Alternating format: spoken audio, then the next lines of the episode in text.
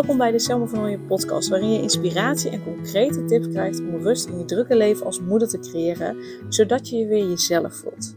Mijn naam is Selma Michielsen van Nooyen en ik help moeders met jonge kinderen die niet meer alleen maar moeder willen zijn, maar die zich weer zichzelf willen voelen. Ik help hen van een opgejaagd gevoel naar rust. Heel veel luisterplezier.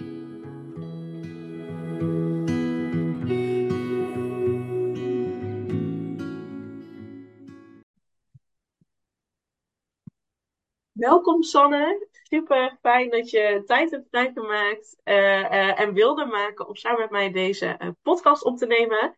Voordat we de diepte ingaan, zou ik je eerst even willen vragen om jezelf voor te stellen. Dus wie ben je? Ja. nou, dankjewel in ieder geval natuurlijk voor de uitnodiging. ja, mijn naam is dus, Sanne Verra. Um, ja, ik ben moeder van twee jongens. Een, uh, de jongste is uh, Thijs, die wordt bijna drie. En de oudste is bijna vijf en die heet Siem. Um, daarnaast zie ik mezelf een beetje als een soort uh, creatieve duizendpoot. ik denk dat dat het misschien het meest, ja, dat dat de lading het beste dekt. Um, ja, ik woon in uh, ja, ik heb een vriend, Tim. En uh, ja, ik heb de afgelopen tijd uh, heel, ja, ben ik heel erg met ondernemen bezig geweest. Een beetje verschillende dingen uit, ja, onderzocht. Um, en uh, ja, wat, wat wil je precies weten? Ik kan zoveel vertellen. Ja, nou ja, sowieso. Um, aanstaande maandag begin je met de opdracht. Kun je daar iets ja. over vertellen? Want creatief duizendpoot kan natuurlijk van alles zijn. Misschien ja. wel van het breien of van het haken. Ja. Misschien op een andere manier. Dus uh, misschien als je daar wat meer over vertelt, dat dat wat beter leeft, uh, wat je daarmee bedoelt. Ja, nou, ik ben eigenlijk al iets van 15 jaar werkzaam in de evenementenbranche. en dan eigenlijk voornamelijk als projectmanager. Um, eigenlijk altijd, nou, de eerste twee jaar in dienstverband, maar daarna eigenlijk als freelancer.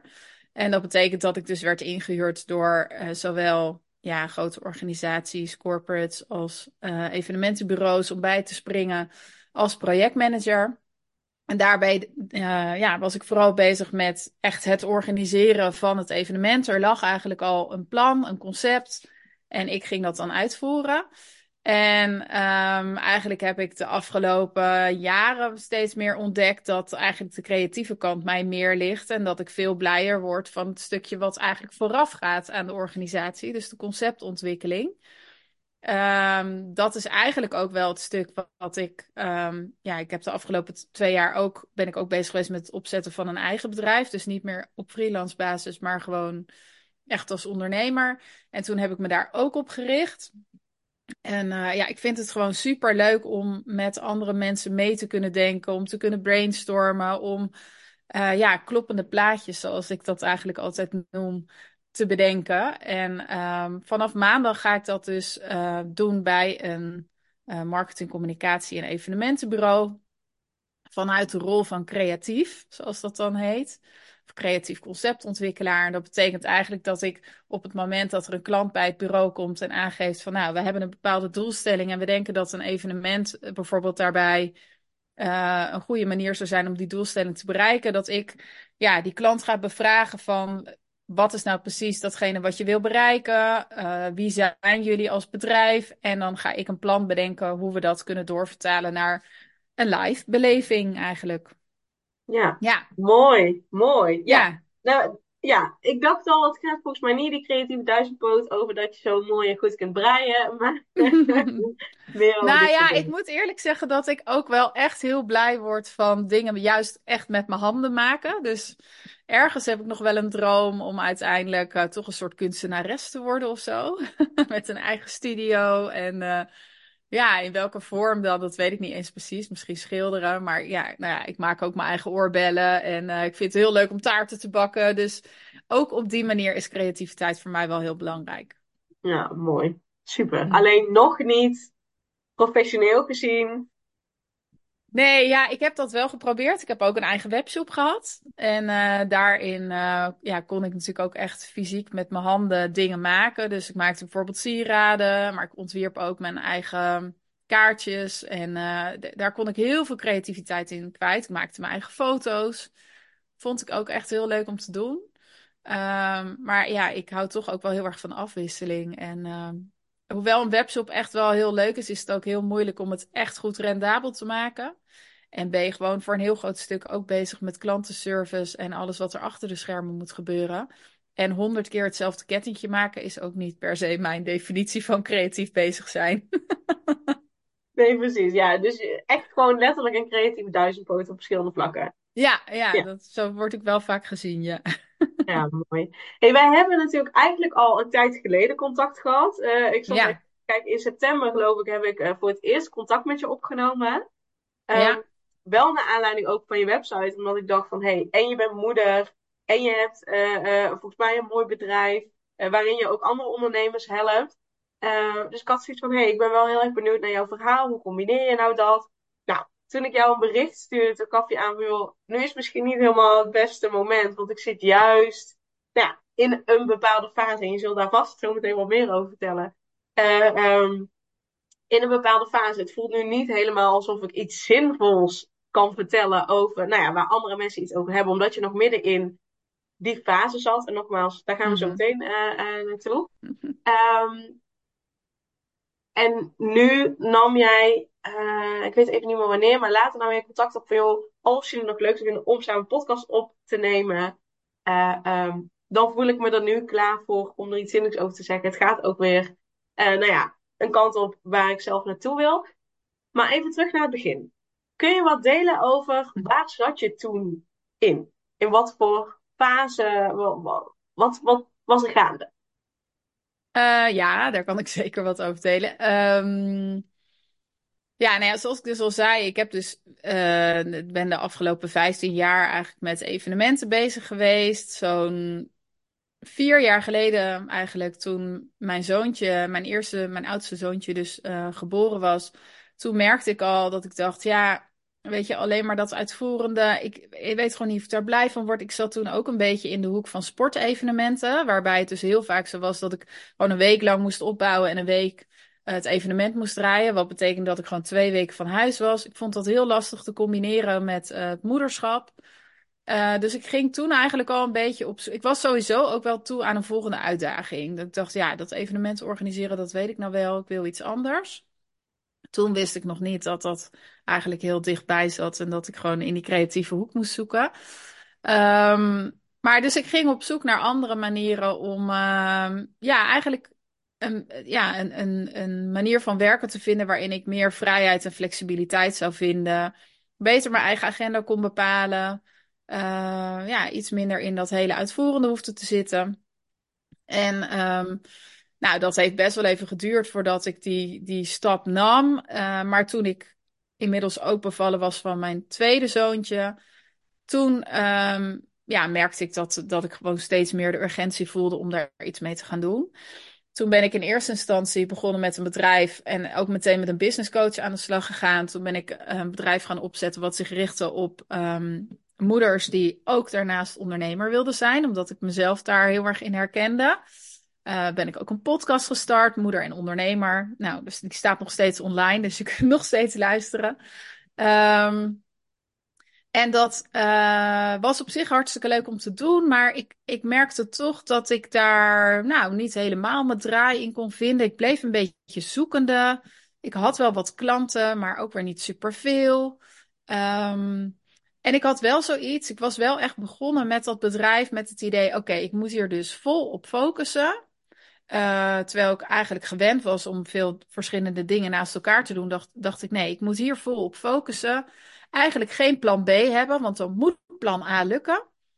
Um, ik had ook echt wel wat spaargeld. Uh, het was inmiddels ook de coronaperiode, dus de ja, evenementen lagen toch op hun gat. Dus dat gaf mij even het laatste duwtje.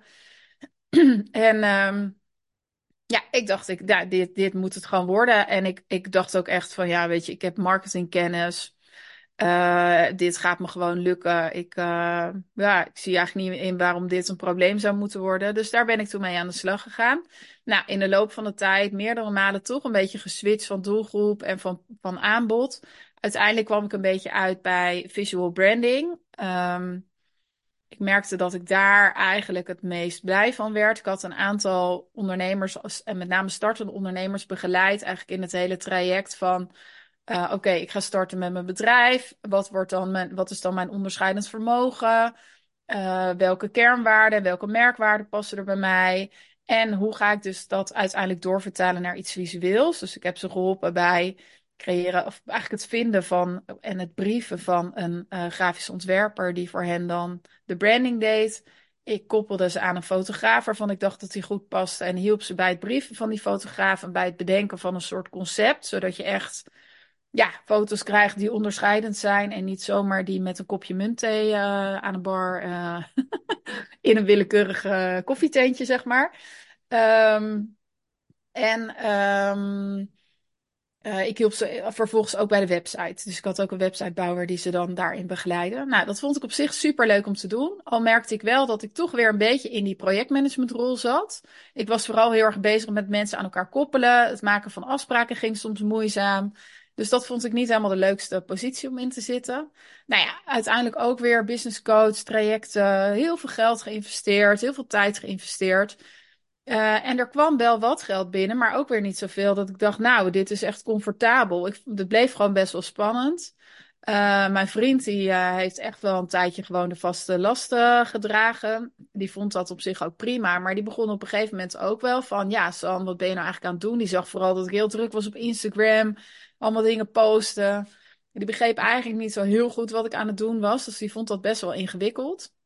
En ondertussen merkten wij natuurlijk wel dat we ja, ook gewoon privé andere keuzes moesten maken. Dus vakanties. Uh, ja, toen ik als projectmanager werkte, 40 uur in de week, nog voordat we kinderen hadden, kwam er natuurlijk echt een bak geld binnen. Ja, dat was nu gewoon echt wel anders. En ik merkte dat bij hem op een gegeven moment ook het geduld wel een beetje begon op te raken. En um, nou ja, ik op een gegeven moment weer even een freelance klus erbij, weer als projectmanager aan de slag. Ik merkte ook dat dat dan meteen weer heel veel headspace kostte, waardoor ik eigenlijk te weinig headspace over had om echt nog goed uh, tijd in mijn bedrijf te steken. Uh, dus dat was gewoon, het was gewoon best wel een beetje een struggle. Waar ik had gedacht dat het uh, me vooral veel vrijheid en, en flexibiliteit zou opleveren, merkte ik dat ik eigenlijk vooral gewoon de hele dag ermee bezig was in mijn hoofd. En altijd bezig was met die volgende Instagram-post. Um, ja, gewoon constant wel dat in mijn hoofd had. Ook als ik s'avonds met uh, mijn vriend en de kinderen aan het avondeten zat. En dat resulteerde dan soms natuurlijk ook in een kort lontje. Nou, dat vond ik helemaal niet leuk. Dus dat was echt wel even zoeken van... Uh, ja, hoe uh, ga ik hier nou mee dealen? Hoe ga ik hier nou een goede modus in vinden? Nou, op een gegeven moment kwam ook een beetje het einde van mijn spaarrekening in zicht. En dat zorgde echt wel voor extra financiële stress. Um, en dat maakte ook dat ik dacht, ja, weet je, um, is, het, is het me dit nog wel waard? Wil ik dit nog wel op deze manier? En um, ja, toen, toen ik eenmaal dus weer in een volgend project zat, een, een evenementenproject, merkte ik ook dat bij mij de weerstand. Oh ja, ik, ik heb toen ook nog op een gegeven moment een online cursus gelanceerd. En uh, daar heb ik eerst een pilot voor gedraaid. Nou, die ging hartstikke goed. Uh, maar toen ging ik de eerste officiële ronde draaien. En toen viel het gewoon het aantal deelnemers heel erg tegen. Terwijl ik er voor mijn gevoel echt alles aan had gedaan. Uh, ik was super aanwezig geweest op Instagram. podcast gemaakt. Weet ik, ik wist gewoon niet wat ik daar verder nog aan had kunnen doen. En dat viel toen tegen en dat was gewoon echt wel even een domper. Toen dacht ik, ja, uh, ik was echt even helemaal klaar met Instagram. Toen heb ik gedacht, nou, ik ga gewoon die Instagram-app van mijn telefoon gooien en uh, even vakantie vieren. Het was vlak voor de zomervakantie dat dit gebeurde. En gewoon eens even heel goed nadenken wat ik nou eigenlijk wil. Ik had wel bedacht van nou, dan ga ik dus maar weer een projectmanagementklus uh, aannemen. Want dan komt er in ieder geval weer geld binnen. Dan is de financiële druk een beetje van de ketel. En hoe was dat hm. om dan weer een freelance klus aan te nemen? Ja, dat voelde echt wel. Uh, nou, aan de ene kant was ik natuurlijk super blij dat ik de mogelijkheid had om dat te doen. Hè? Dat, dat opdrachtgevers mij nog steeds wisten te vinden. En dat ik dus een soort escape had tegelijkertijd uh, voelde het ook als een soort stap terug. Uh, en ik heb echt wel afgelopen zomer even de tijd nodig gehad om dat te verwerken. Het voelde alsof ik toch wel had gefaald, uh, alsof het niet gelukt was. En het duurde eventjes voordat ik begreep dat dat misschien helemaal niet het geval was. Ja, ja, dat snap ik. En dat, dat ja. zeker wat ik, wat ik ook veel terug zie bij moeders, is dat ze, uh, niet alle moeders zijn ondernemers, maar wel bijvoorbeeld dat ze een andere baan willen of wat dan ook. En dat het soms voelt in combinatie met het moederschap alsof ze soms eerst een stap terug moeten doen, omdat dan die functie die ze willen of, of, of die, die andere baan die ze willen in een ander bedrijf, dat dat nog niet lukt. Omdat er thuis bijvoorbeeld dan alsnog iets speelt, of dat er andere dingen voorrang krijgen. Dus dat dat dan Mhm. soms voelt als falen, in plaats Ja. van, hé, hey, wacht eens even, misschien is dit juist net wel wat er nodig is om vervolgens die stap vooruit te zetten. Ja, nou ja, ik heb me zeker wel afgelopen zomer gerealiseerd dat ehm, het opzetten van een bedrijf naast het runnen van een jong gezin gewoon echt wel uitdagend is. En dat, ehm, dat het misschien niet zozeer heeft gelegen aan. Kijk, tuurlijk heb ik ook bepaalde eigenschappen waarvan ik denk, nou, die zijn misschien niet heel handig in combinatie met ondernemerschap. Ik ben niet iemand die een hele lange adem heeft. Dus iets heel consistent, heel lang doen, vind ik ingewikkeld. Ik ben echt een, een starter, een initiatiefnemer, een creator. Ehm, maar ik realiseerde me ook wel dat mijn timing misschien best wel eh, uitdagend was, zeg maar. En dat ik misschien beter even had kunnen wachten totdat eh, de kids allebei op school zitten of zo. Ja, dus dat je daarin dan. Want wat zou je dat opleveren als je, als je wat, meer, wat langer had gewacht? Nou ja, ik denk dat ik. Kijk, ik vind, eh, daar heb ik ook wel eens podcasts met andere mensen over opgenomen, maar ik vind het moederschap aan zich best wel uitdagend. En eh, het is gewoon heel dubbel. Aan de ene kant is het super mooi en leuk, maar ik vind het ook mega pittig. En dat wist ik eigenlijk wel toen ik aan het moederschap begon. Want ik ben altijd iemand geweest die heel erg gesteld is op zijn vrijheid. Op, op weet je wel, zijn eigen dingen doen. En ik heb gewoon best wel wat tijd voor mezelf nodig om weer te kunnen opladen. Ehm, en ik vind het eh, best wel ingewikkeld om de hele dag aan te staan voor iemand anders. En dat is natuurlijk toch wel een beetje het geval, zeker met jonge kinderen. Dus ik heb ik, ik ben wel bewust met dit bedrijf gestart met het idee van ik hoop dan meer vrijheid en flexibiliteit voor mezelf te creëren. Nou, dat bleek dus eigenlijk een beetje, daar bleek, ik van een koude kermis thuis te komen, om het maar even zo te zeggen. Ehm, en ik realiseer me dus nu dat dat, ehm, ja, dat, dat, dat dat dus eigenlijk helemaal niet zo'n handige keuze was. Dat ik misschien beter iets had kunnen doen ja, waar ik gewoon eh, van wist, hier ben ik goed in. Eh, hier hoef ik niet nog na mijn werk, na mijn werkuren ook nog heel veel mee bezig te zijn in mijn hoofd. En op die manier. Maar ik had dus ergens ook juist de behoefte om weer iets voor mezelf te creëren. Ja. Ja. Omdat, die kinderen, omdat de kinderen natuurlijk ook al zoveel van je vragen, had ik ook de behoefte om juist bezig te zijn met, maar wie ben ik dan als persoon, weet je wel? En wie is Sanne dan naast dat ik moeder ben? Ja. Dus ik Ja, snap want- heel goed waarom ik dit heb gedaan. Maar ik denk achteraf wel, ja, ik heb gewoon heel veel van mezelf gevraagd. Ja, ja dus, dus aan de ene kant was het wel een soort van nodig om, het dit, om dit te doen, zodat je, nou ja, zoals jij het mij Ja. zegt, hè, wat, wat meer ook met jezelf bezig was, om weer te ontdekken van, hé, maar wie ben ik naast dat ik moeder ben? Ja. Eh, en tegelijkertijd was de timing dan misschien niet handig, of misschien de vorm niet handig om het in te doen, om het niet te ontdekken in een eigen bedrijf, maar misschien op een andere manier, zodat je ja, vanuit een freelance klus of wat dan ook. Dus dat de vorm Ja. misschien niet helemaal passend was, maar dat het misschien wel nodig was om weer te ontdekken van oké, maar wie ben ik naast Ja, het moeder zijn? ja, zeker. Ja hoor, dus het is ook niet dat ik spijt heb van wat ik heb gedaan. Eh, maar als ik terugkijk, denk ik, ja, nou, uitdagende keuze. Ja, uitdagende keuze. En, en als we even teruggaan, hè, want je vertelde van toen, eh, toen nam ik weer een freelance klus aan en ik had de Instagram app van mijn telefoon Ja. eh, verwijderd. En toen? Nou ja, toen kwam er dus eerst eigenlijk een beetje een perio- een periode van eh, schaamte en ehm, ja, toch wel gewoon een beetje balen van, oh, en, en ook wel onzekerheid van, ja, maar als dit het dan niet is, wat is het dan wel? Want ja, zo'n zo'n freelance projectmanagement klus. Ik heb die eigenlijk in eerste instantie ook wel aangenomen, omdat ik merkte dat mijn vriend er gewoon een beetje klaar mee was. Ik dacht, oeh, dit wordt spannend. Ik moet nu wel echt even in actie gaan komen. Want... En ik begreep het ook heel goed. Ik dacht, ja, je hebt twee jaar de vaste lasten gedragen. Um, ja, ik snapte ook heel goed dat hij dacht, oké, nou kom jij nu ook maar weer eens door. Um, maar ik, ik merkte wel dat, dat dat projectmanagement, dat ik daar ook wel een soort weerstand tegen begon te voelen. En dat dat eigenlijk gewoon niet was wat ik wilde. Dus wat ik toen heb gedaan, is dat ik um, eigenlijk gewoon met heel veel mensen uit mijn netwerk ben gaan praten over wat ik wellicht zou willen. Ik dacht toen nog van, nou, misschien wel projectmanagement, maar dan, projectmanagement, maar dan niet specifiek in de hoek van evenementen, maar misschien wat breder op marketinggebied. Uh, dus daar heb ik gesprekken over gevoerd. Um, en ja, wat. En, en ik heb gewoon ook echt wel even gewoon ruimte genomen. Dus ja, ik ben ook lekker gaan schilderen. Ik uh, ben lekker boeken gaan lezen. Uh, en dat is natuurlijk super luxe dat ik die ruimte had om dat te doen. Hè? Want dat kan natuurlijk lang niet altijd. En dat was ook in deze situatie wel spannend. Maar ik kon het wel goed, um, ja, dat klinkt een beetje gek, verkopen aan mijn vriend. Omdat in de zomerperiode de evenementenbranche eigenlijk altijd een beetje op schat ligt. Ik zit met name in die zakelijke evenementenhoek. Dus ja, juli, augustus gebeurt er eigenlijk niks.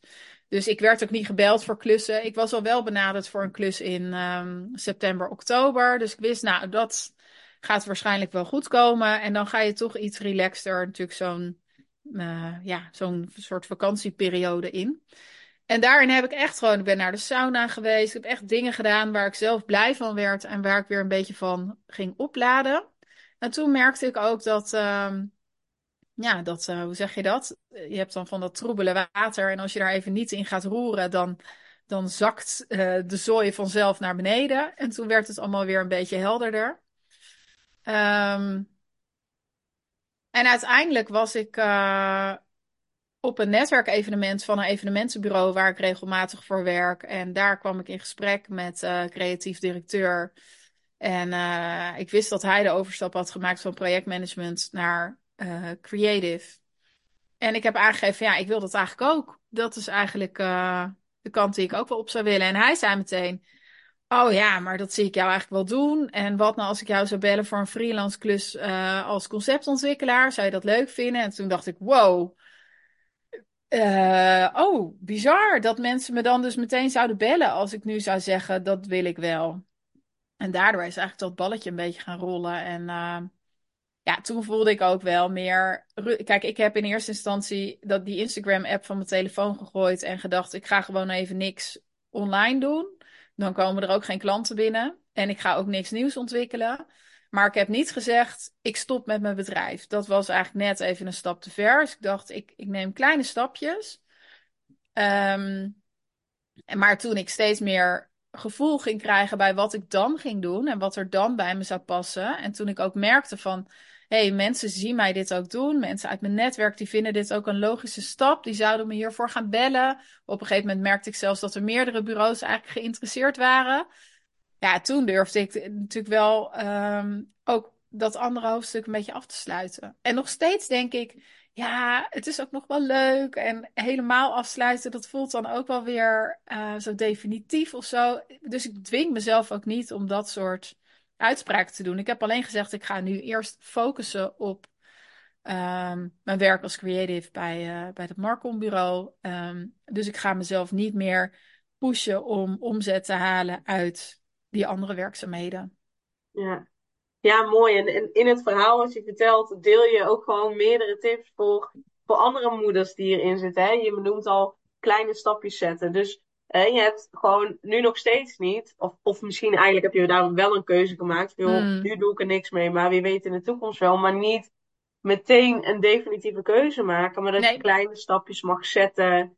Nou ja, om te ontdekken van oké, okay, wat dan wel. Um, ja.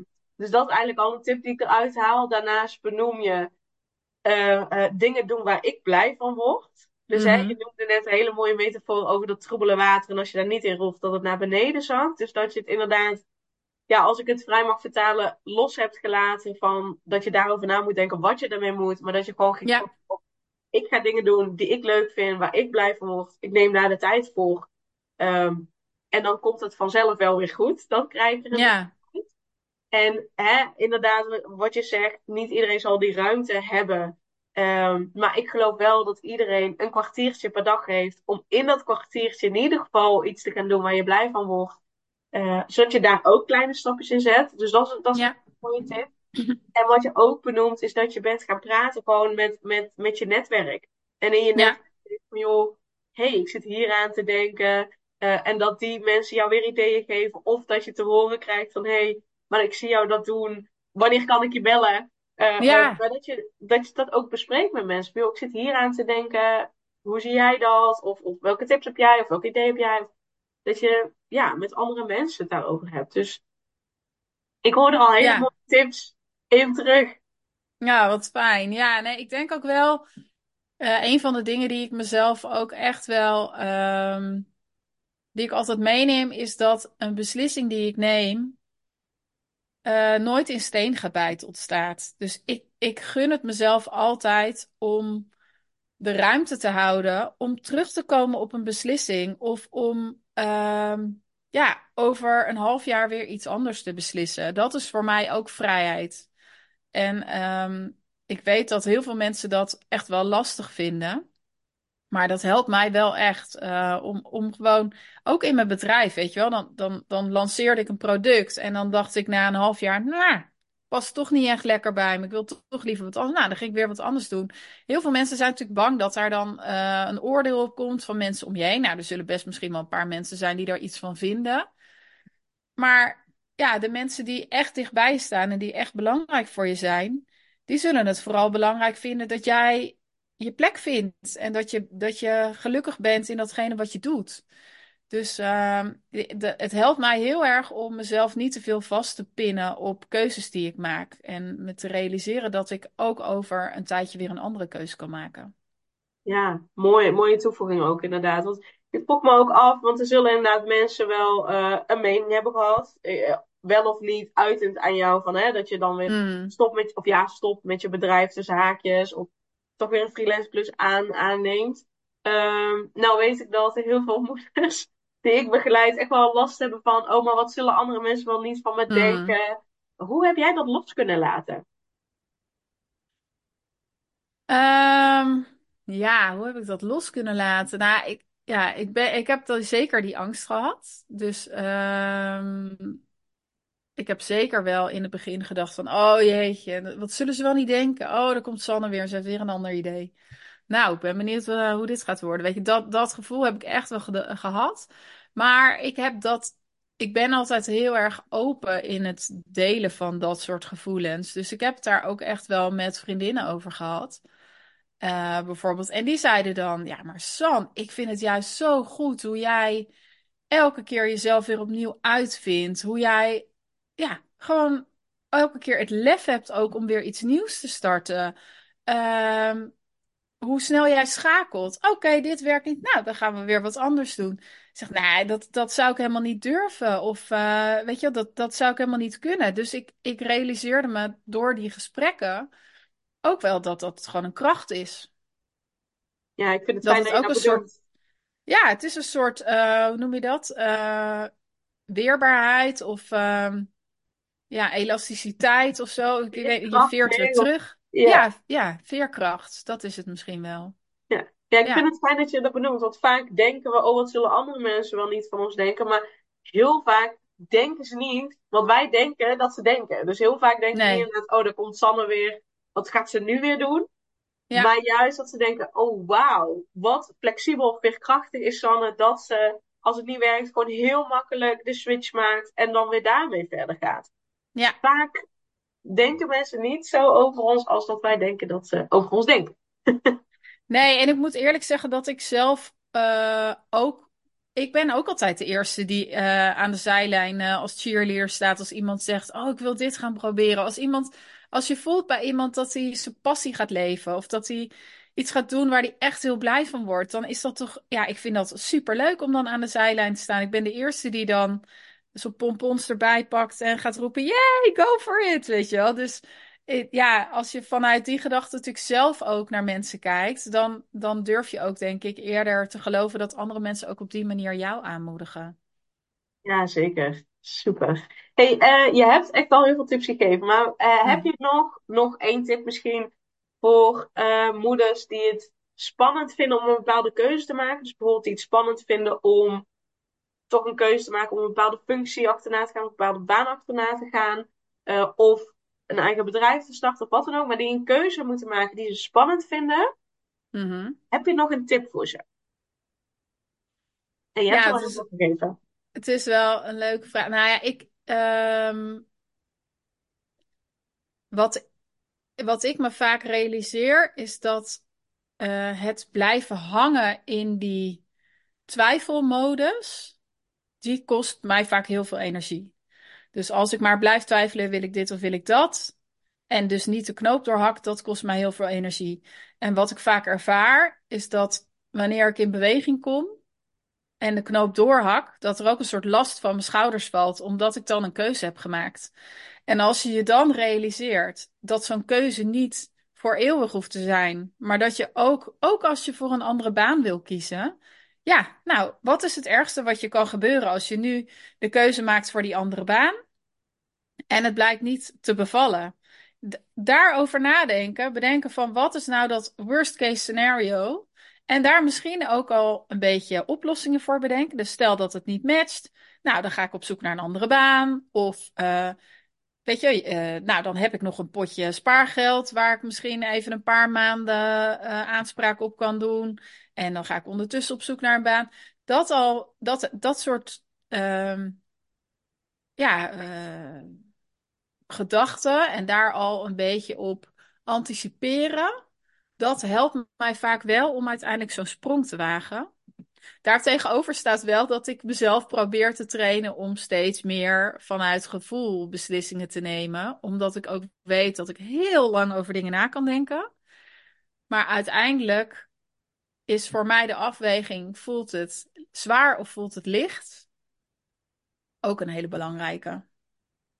Ja, ja mooi. Want soms weten we niet altijd precies wat ons gevoel zegt, omdat ons hoofd er doorheen zit. Ja. Maar kun je inderdaad wel voelen, oké, voelt deze keuze licht of voelt deze keuze zwaar? Ja, precies. Ja. ja. Heel mooi. Dus dat is voor mij een belangrijke graadmeter. En als mijn hoofd dan mee wil doen, dan probeer ik vooral eigenlijk alle bezwaren die er zijn, stuk voor stuk, een beetje in te dekken. Van, nou, maar als dit gebeurt, dan kan ik altijd nog dat doen. En ja, zo heb ik ook ooit mijn eerste baan opgezegd. Uh, ook omdat ik, dat vond is misschien ook wel een goede aanvulling.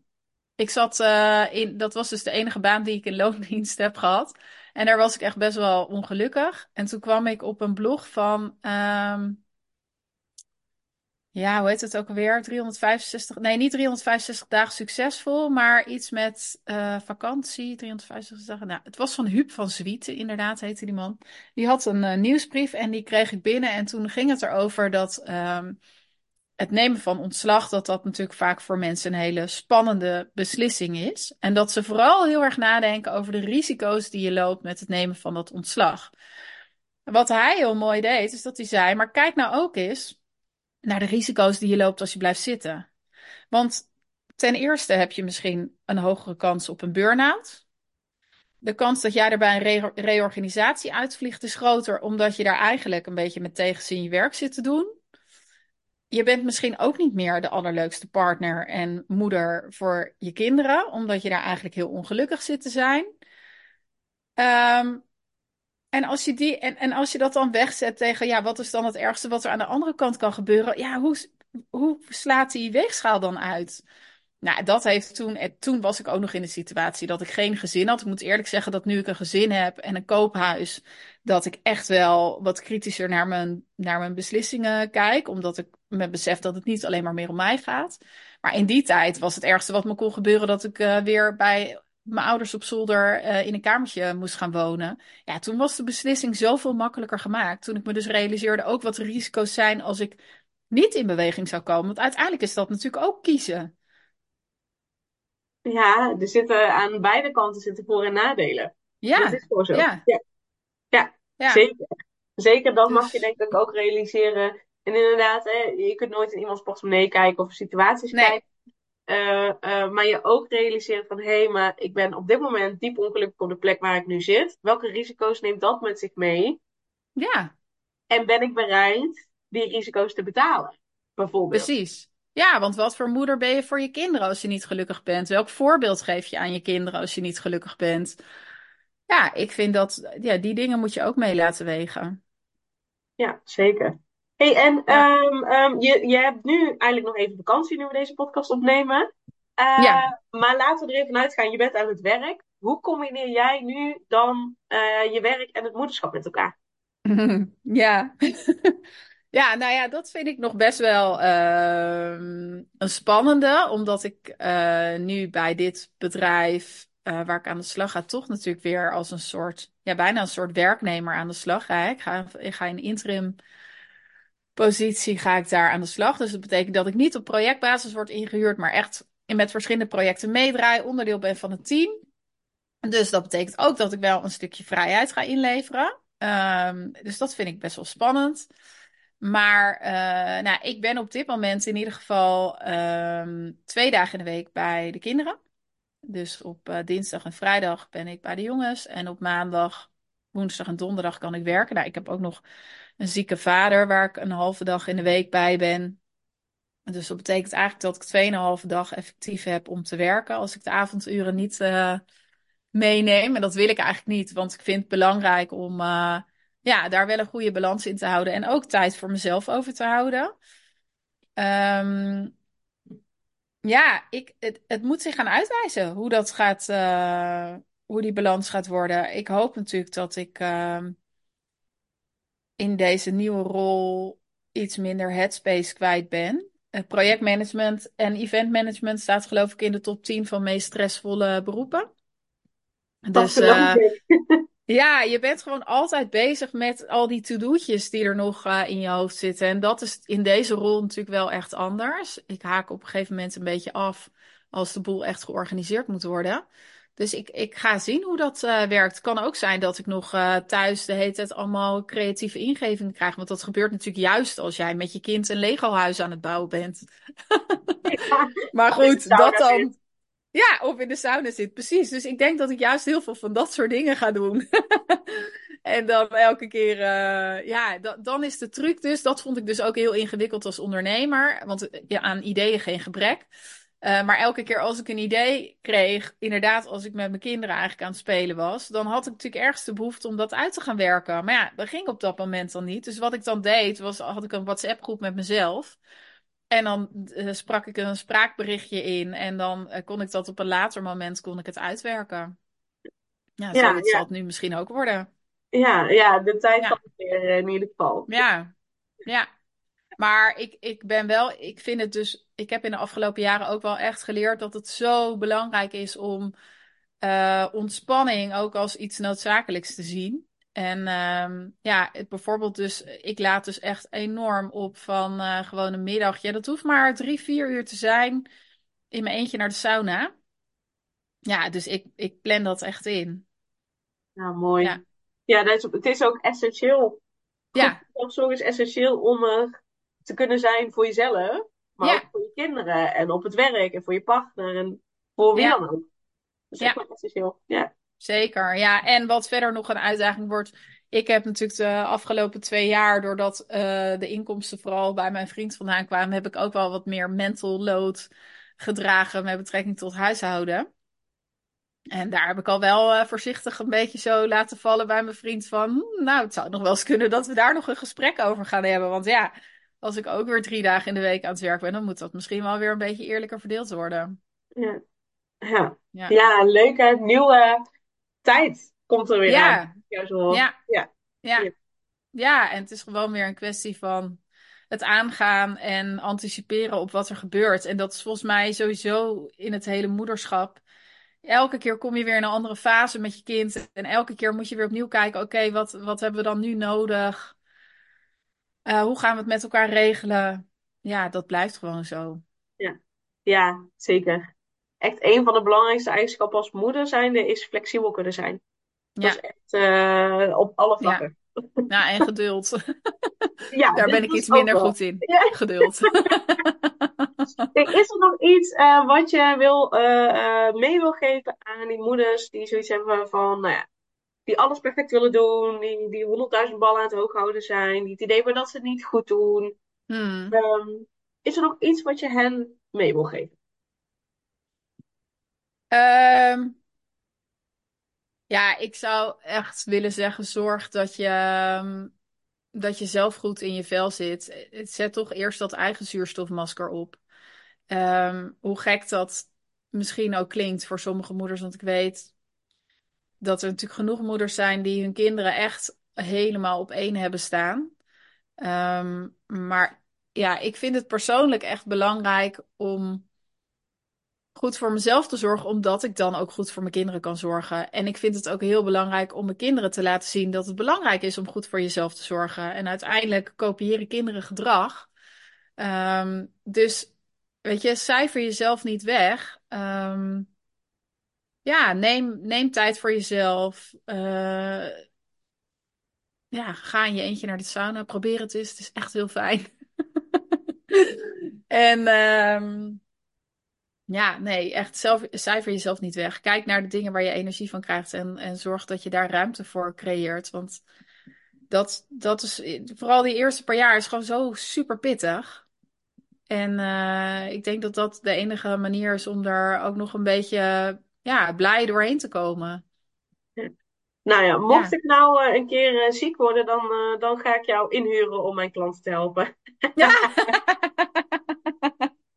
nou, dat kan altijd. Ik ben van alle markten thuis. Dus... Ja. nee. Je bedoelt gewoon ook überhaupt in je verhalen. Je bedoelt echt allemaal dingen dat ik denk, ja, dit, dit is gewoon precies.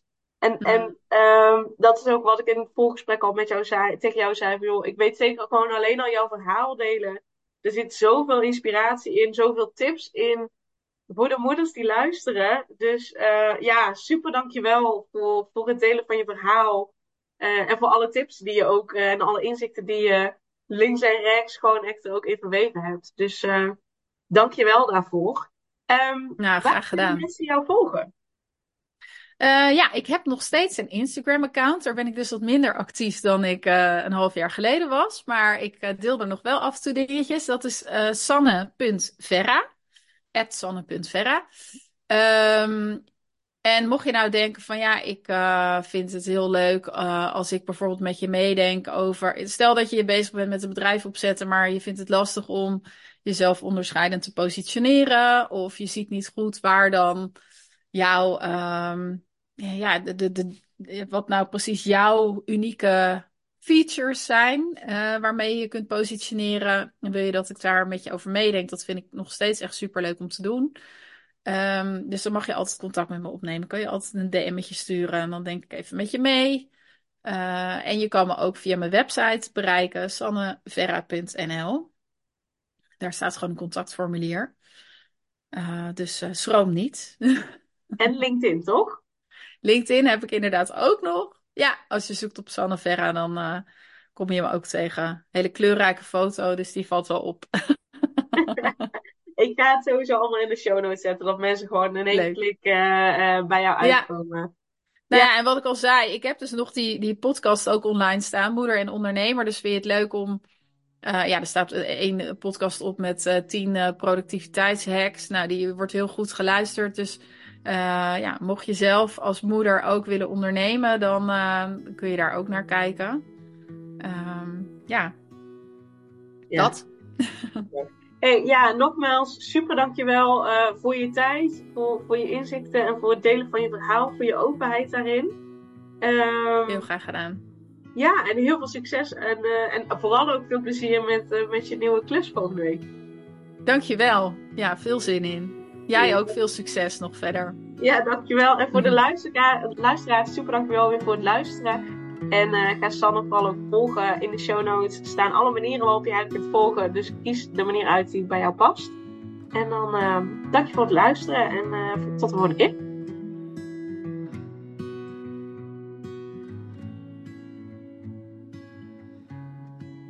Superleuk dat je weer luisterde naar een aflevering van de Selma van Ooyen podcast. Dank je wel daarvoor. En ik deel in deze intro nog een aantal belangrijke punten.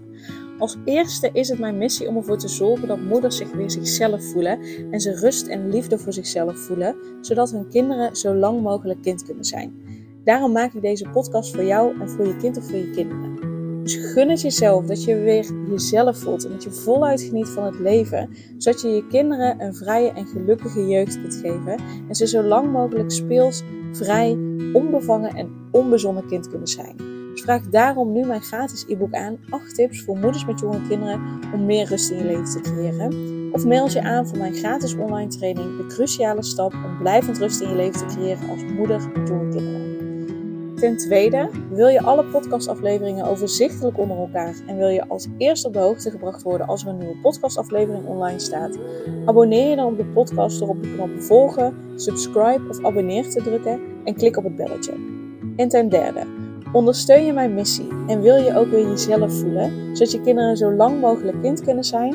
Laat dan een review achter in de podcast-app via waar je deze afleveringen luistert. Want hoe meer reviews, hoe beter de podcast vindbaar is en dus hoe meer moeders en kinderen ik kan helpen. En tot slot, ken je andere moeders voor wie deze podcast interessant zou zijn? Deel dan gerust een aflevering met hen of deel een screenshot van deze aflevering op je social media. Wil je mij een vraag stellen of wil je contact opnemen? Dan kan dat via info.selmavernooien.nl Nogmaals, super dankjewel voor het luisteren en tot de volgende keer.